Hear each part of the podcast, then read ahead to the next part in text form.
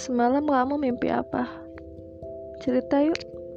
Aku juga punya banyak banget cerita-cerita tentang mimpi semalam, tentang hari-hari kemarin, tentang minggu-minggu yang berat,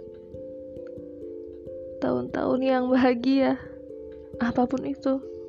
Cerita ayo sama aku agar kebisingan yang ada di kepala kamu tuh mereda.